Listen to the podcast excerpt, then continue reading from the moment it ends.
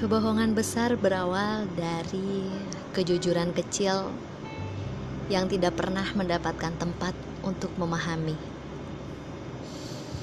Kalau seseorang sudah bercerita jujur, terima, meski apa yang dikatakannya terdengar begitu menyakitkan, meski yang telah dilakukannya adalah suatu keburukan dan kebodohan.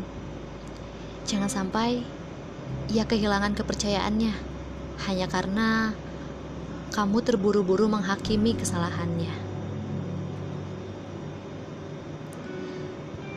Ketika seseorang sedang kehilangan arah, ia berharap ada yang membantunya untuk menunjukkan jalan yang benar. Ia butuh seorang pendengar yang mau mencarikan solusi, bukan seseorang yang menertawakan, memarahi, ataupun membodoh-bodohi.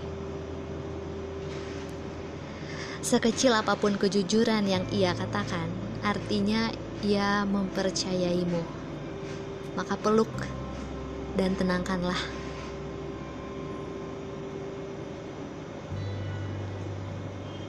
Karya Ibnu Fir